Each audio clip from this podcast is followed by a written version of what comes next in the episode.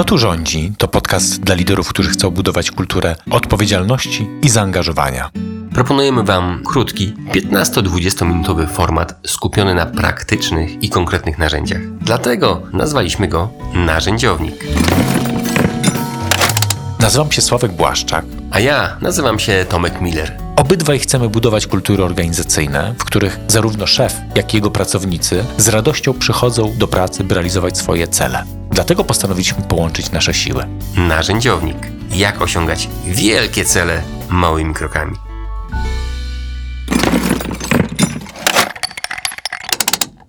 Cześć Sławku. Cześć Tomku. Sławku, o czym dzisiaj porozmawiamy? No, słyszałem, że dzisiaj porozmawiamy o wyposażeniu domu mm, na wypadek deszczu. Hmm, to znaczy? To, to... No, pamiętam, że coś mówiłeś o jakichś parasolach. Mhm, takie rynny, parasole, dobrze, okej. Okay.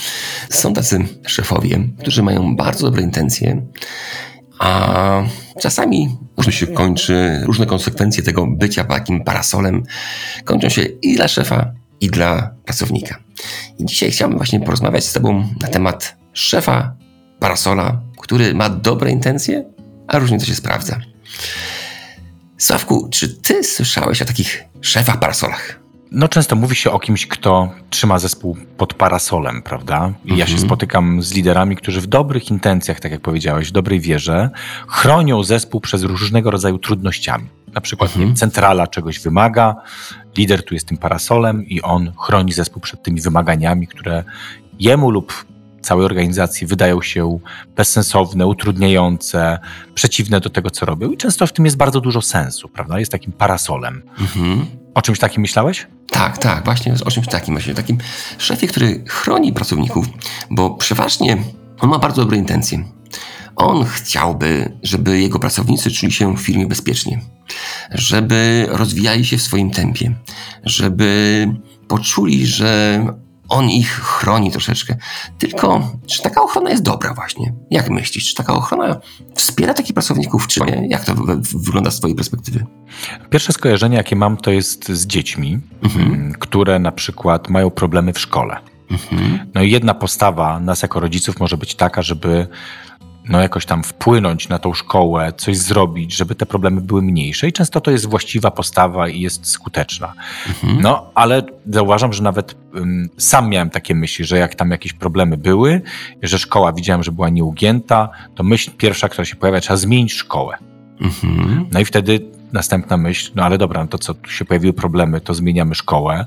W tej nowej szkole, jak się pojawiły problemy, to co, znowu zmienimy szkołę. I słyszę o takich historiach rodziców, którzy no, zmieniają szkołę, jak są problemy, w pewnym sensie dziś szukają tak, żeby tych problemów nie było, więc usuwają jakieś poprzeczki wyżej powieszone.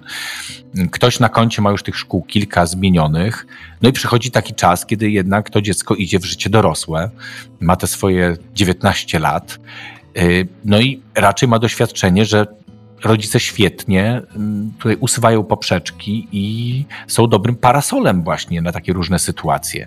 No i teraz albo to dziecko jednak ma takie poczucie, że chce się jakoś usamodzielnić, odciąć od tego. Rodzice też być może mają taką świadomość, że już najwyższy czas skończyć z tym parasolem, więc puszczamy dziecko w świat, niech sobie teraz radzi bardziej samo. Ale niestety czasami bywa tak, że rodzice dalej kombinują, jak to zrobić, żeby temu dziecku teraz ułożyć jakąś pracę, jakieś studia, żeby ono dalej funkcjonowało dobrze. I to dziecko no, bywa tak, że ma takie poczucie nadmiernego bezpieczeństwa, nadmiernego komfortu, który jest wygodny, e, ma czas na zabawę, ma czas na to, żeby zajmować się innymi rzeczami, prawda? A niekoniecznie radzić sobie z jakimiś problemami, trudnościami. No w dzisiejszym świecie jest to postawa często też jakoś promowana Mhm. prawda? No i wtedy mamy sytuację zagrożenia, bo ten ktoś najzwyczajniej w świecie staje się niesamodzielny. Mhm. No taką mam analogię trochę do coś podobnego się może stać, jak przez wiele lat ktoś pracuje pod parasolem w biznesie. Mhm. Ja przyznam, że też miałem takie sytuacje w jednej z firm, że miałem taką szefową, która też była takim szefem parasolem, taką szefową, która no, utrzymywała nade mną taki klosz, nie tylko nade mną, całym zespołem. I z tego co wiem, zarząd cały czas miał do niej jakieś pretensje. Myśmy o tym w ogóle nie wiedzieli. Myśmy się nie wiedzieli, że ona zdarza się z jakimś murem. Przez dwa lata z rzędu byliśmy najlepszym biurem reklamy w Polsce. Według miesięcznika, który robi taki ranking. I okazuje się, że nagle pewnego dnia szefową nam zwolnili. Nie wiedzieliśmy dlaczego, nie wiedzieliśmy co się dzieje i no, czuliśmy się tacy bezradni, bo czuliśmy się, że ten klosz, który mieliśmy, zniknął. I to było dla nas takie bardzo poważne i takie mm, trudne zdarzenie. A no właśnie, czyli dobrze pokazujesz konsekwencje tego parasola. Ja myślę, że moglibyśmy jeszcze wzmocnić ten, ten twój przekaz Mhm. mm, jakąś sceną, No dobrze. jakąś sytuacją. Nie? Wyobraźmy sobie taką sytuację, w której, Mhm. no załóżmy, ten szef został właśnie zwolniony i przychodzi nowy szef. Mhm. Okay? Ja może odegram Tomku takiego szefa, ty będziesz pracownikiem, który żył pod kloszem. Dobra. Pod parasolem właściwie, dobra? Dobrze. Yy, Cześć Tomku. Cześć Sławku. Słuchaj, no jak wiesz, tutaj ja dzisiaj jestem, mm, no już któryś dzień w pracy, ale to dalej pierwszy tydzień, tak się próbuję tu zorientować. No i widzę na, mnie na skrzynce, że jest sporo takich maili z biura rachunkowego, z którym współpracujemy. Yy, A jak rozumiem, ty odpowiadasz za finanse, prawda? Tutaj w tej organizacji. Tak, tak, taką mam rolę. No właśnie. To, to, to wiesz, te maile ja ci przekieruję, bo nie wiem dlaczego, to jakoś tam później byś to mógł jakoś wyjaśnić z tym biurem rachunkowym, żeby oni do mnie nie kierowali tych maili, tylko żebyś ty się tym tematem zajął, bo na razie ja te maile dostaję, a, a to jest twoja przecież odpowiedzialność, nie? To, to ty, ty się tym tematem zajmujesz. Wiesz, Sławku, do... Finansami się zajmuję, tak, ale no, maile są dla, u ciebie dlatego, że no, zawsze Karol się tym zajmował, bo on miał lepsze stosunki z takim jednym pracownikiem z biura rachunkowego. Ja tam z nim nie mog- w ogóle nie mogłem dogadać i no, trudniejsze sprawy to Karol załatwiał, także jest okej. Dobrze, że jest no, u ciebie na skrzynce. Ale to chyba się nie zrozumieliśmy, Tomku, bo ja nie, dam, nie mogę się zajmować tymi rzeczami. To wiesz, to, to się musi zmienić, bo ja się nawet na tym nie znam. Ty jesteś bliżej tematu, bliżej informacji, pracujesz tu, jak słyszałem, wiele lat, także to, to będą twoje, wiesz, odpowiedzialności, bo ja mam jakby no inne tematy, którymi tu przyszedłem po to, żeby się zająć, a nie żeby się zajmować rozwiązywaniem tematów na linii nasza firma biuro rachunkowe. To bym tobie jako szefowi zespołu finansów zostawił ten temat. Sławku. Także ja ci zamierzam przekierować te maile. Sławku, no ale no ja miałem kłopot z, z tym biurem rachunkowym, no, dlatego właśnie się tym zajmował Karol, bo on to potrafił dogadać się i myślę, że to by było dobrze, żebyś, no jak przejmujesz jego obowiązki, to żebyś przejął wszystko, nie? Tomek, ja ci przesyłam te maile. Ty się zastanów, co chcesz tym zrobić. Yy, To widzę, że jest jakiś grubszy temat. Teraz tego nie załatwimy. Popatrz, jakiego rodzaju tam są tematy przerzucone do mnie przez biura rachunkowe. Zastanów się, co chcesz z tym zrobić, jak chcesz to ułożyć w swoim zespole. Yy, I daj mi znać, nie wiem, pojutrze widzę, że mamy jakiś taki luźniejszy dzień. Jak ty widzisz ten temat? Jak się tym tematem zajmiesz, dobra? Ja teraz to, co zrobię, to ci przekieruję te maile. To tyle z mojej strony, wiesz? To, to ja muszę od początku się tym zajmować, tak?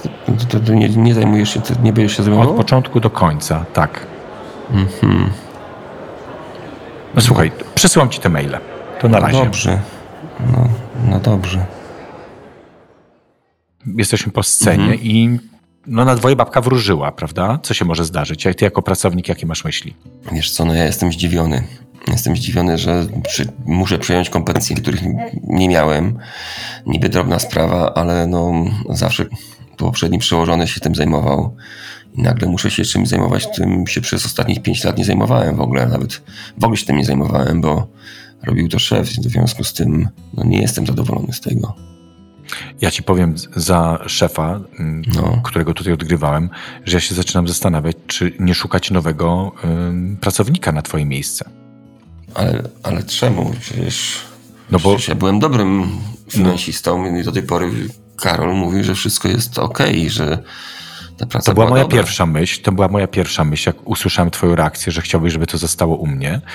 E, I no, da, dam ci szansę pewnie, nie? To znaczy chciałem, żebyśmy zobaczyli, ciekaw jestem, co mi powiesz w piątek za dwa dni, Mhm. ale jeśli powiesz, że to nie jest coś, że ty się tego obawia, że tam jest ktoś, z kim cię ciężko rozmawia, będziesz tą narrację kontynuował, no to we mnie rośnie raczej przekonanie, no to no przecież no nie będę cię tutaj zmuszał do wykonywania twoich obowiązków. No I tak, być ale może trzeba szukać kogoś innego na to stanowisko. wiesz, no ale ja tutaj jednak pracuję tam od 10 lat, na to się, jestem dyrektorem finansowym, to, no, to chciałbyś mnie zwolnić, naprawdę? Mm.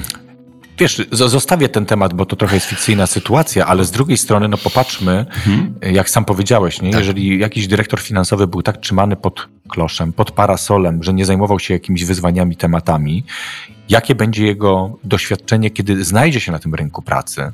mhm. zmierzy się z wymaganiami, które są i nagle może się okazać, że w żadnej firmie nie dostanie takiego tytułu. Tak. Także tutaj, jak rozmawiałem to o tym bezpieczeństwie, to my często w kulturze odpowiedzialności mówimy o bezpieczeństwie. Tylko to bezpieczeństwo w kulturze odpowiedzialności wygląda troszeczkę inaczej.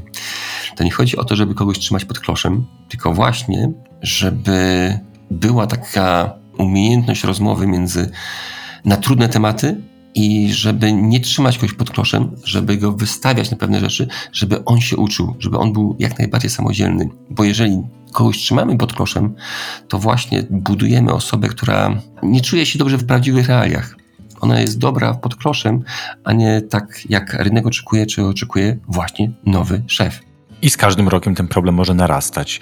Tak mhm. mówiłem o takim przykładzie, który realnie też doświadczyłem niedawno w jednej z firm, gdzie lider bardzo sensownie przeprowadził firmę w tej relacji centrala versus polski oddział, mhm. gdzie ta centrala zmieniając swoją politykę zaczynała narzucać globalne rozwiązania, które zupełnie nie pasowały do polskich warunków. Mhm. I ten lider opowiadał mi o swoim dylemacie, czy być tym, który trzyma parasol i nie dopuszcza tych różnych oczekiwań, absurdalnych, może nie absurdalnych, ale nieadekwatnych do polskiego rynku rozwiązań, czy też od razu nie mierzyć się razem z zespołem, z tymi wszystkimi oczekiwaniami, z reakcjami, z prowadzeniem rozmów i wybrał to drugie.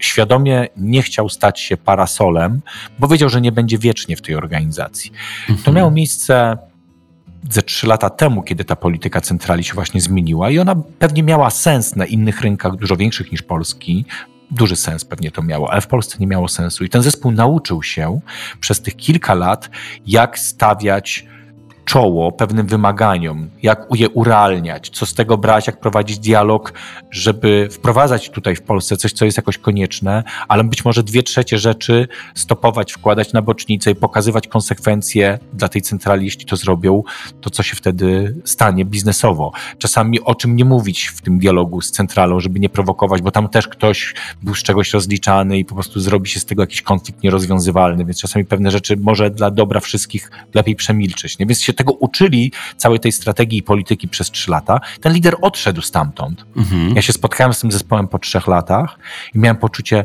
że oni naprawdę są gotowi do tego, żeby prowadzić dalej tę strategię bez prezesa, bardzo podobny sposób. Jeden z nich został prezesem i to nie tak kimś, kto tutaj no, nadawał ton wszystkiemu, tylko raczej tym, który pomagał temu zespołowi utrzymać wypracowaną przez ostatnie trzy lata strategię dojrzałą, gdzie wszyscy czuli się odpowiedzialni i wiedzieli, kto za co odpowiada i jak to dobrze układać w relacji z centralą. Mhm. Podsumowując to, czyli taki lider to jednak musi dbać o sukcesję takich kompetencji, żeby ktoś po nim mógł przejąć tą firmę i żeby on też mógł gdzieś iść dalej. Bo też to jest hamulec. Jeżeli trzymamy kogoś pod kloszem, to my też nie możemy awansować wyżej, bo musimy robić robotę, którą robimy za, za inne osoby, prawda?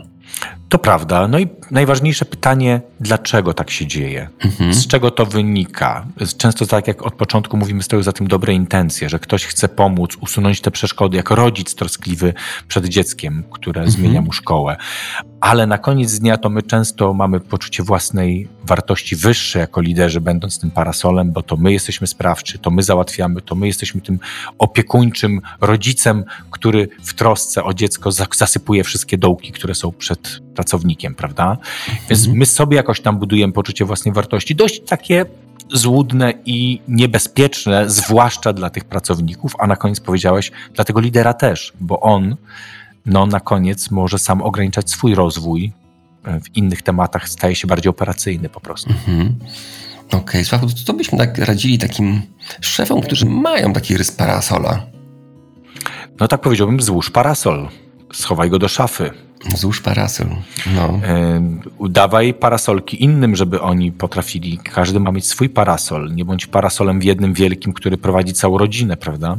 Mhm. Super. Nie każdy tworzy, ma swój parasol i nauczy się bronić i pracować tak, żeby on się też nauczył i żebyś ty, szefie, miał trochę mniej na głowie i żebyś się czuł bardziej bezpiecznie, a pracownicy się przy tobie jak najszybciej rozwijali. Tomku, dzięki za rozmowę. Dzięki, na razie, cześć. Cześć.